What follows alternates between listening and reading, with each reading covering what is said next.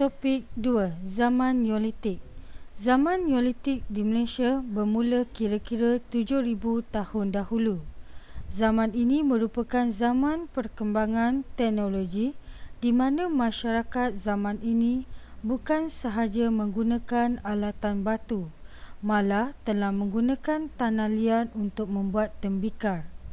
Penempatan-penempatan zaman Neolitik dijumpai di lokasi-lokasi berikut – Gua Cah Kelantan dan Bukit Tengkorah Sabah. Masyarakat zaman Neolitik mula hidup secara menetap. Penempatan-penempatan mereka lazimnya didirikan di kawasan-kawasan seperti di dalam gua dan berhampiran sungai.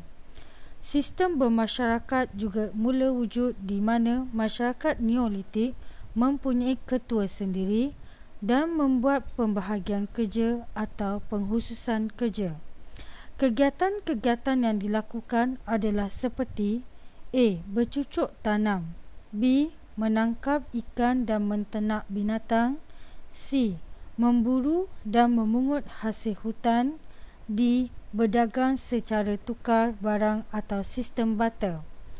Masyarakat zaman Neolitik masih menggunakan alat batu seperti beliung digunakan untuk menggali tanah dan mengetam kayu, pemukul kulit kayu digunakan untuk melepeh dan menghaluskan kulit kayu. Mereka juga telah menggunakan tanah liat untuk mencipta alat tembikar seperti bekas, air, periuk dan belanga.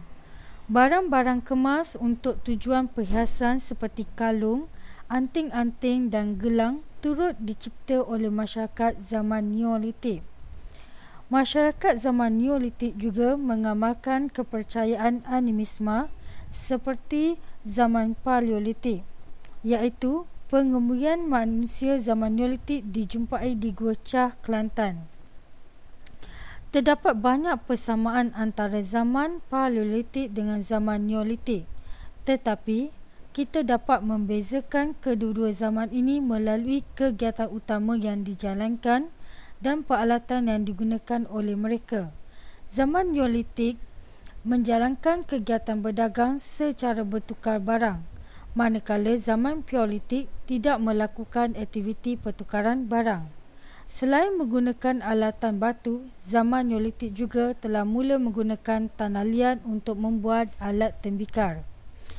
Di akhir pembelajaran ini, pelajar dikendaki melengkapkan maklumat yang berkaitan zaman Neolitik di Malaysia tentang A. Tahun kewujudan B. Ciri-ciri penempatan C. Kegiatan utama D. Alatan yang digunakan E. Kepercayaan dan lokasi. Sekian, terima kasih.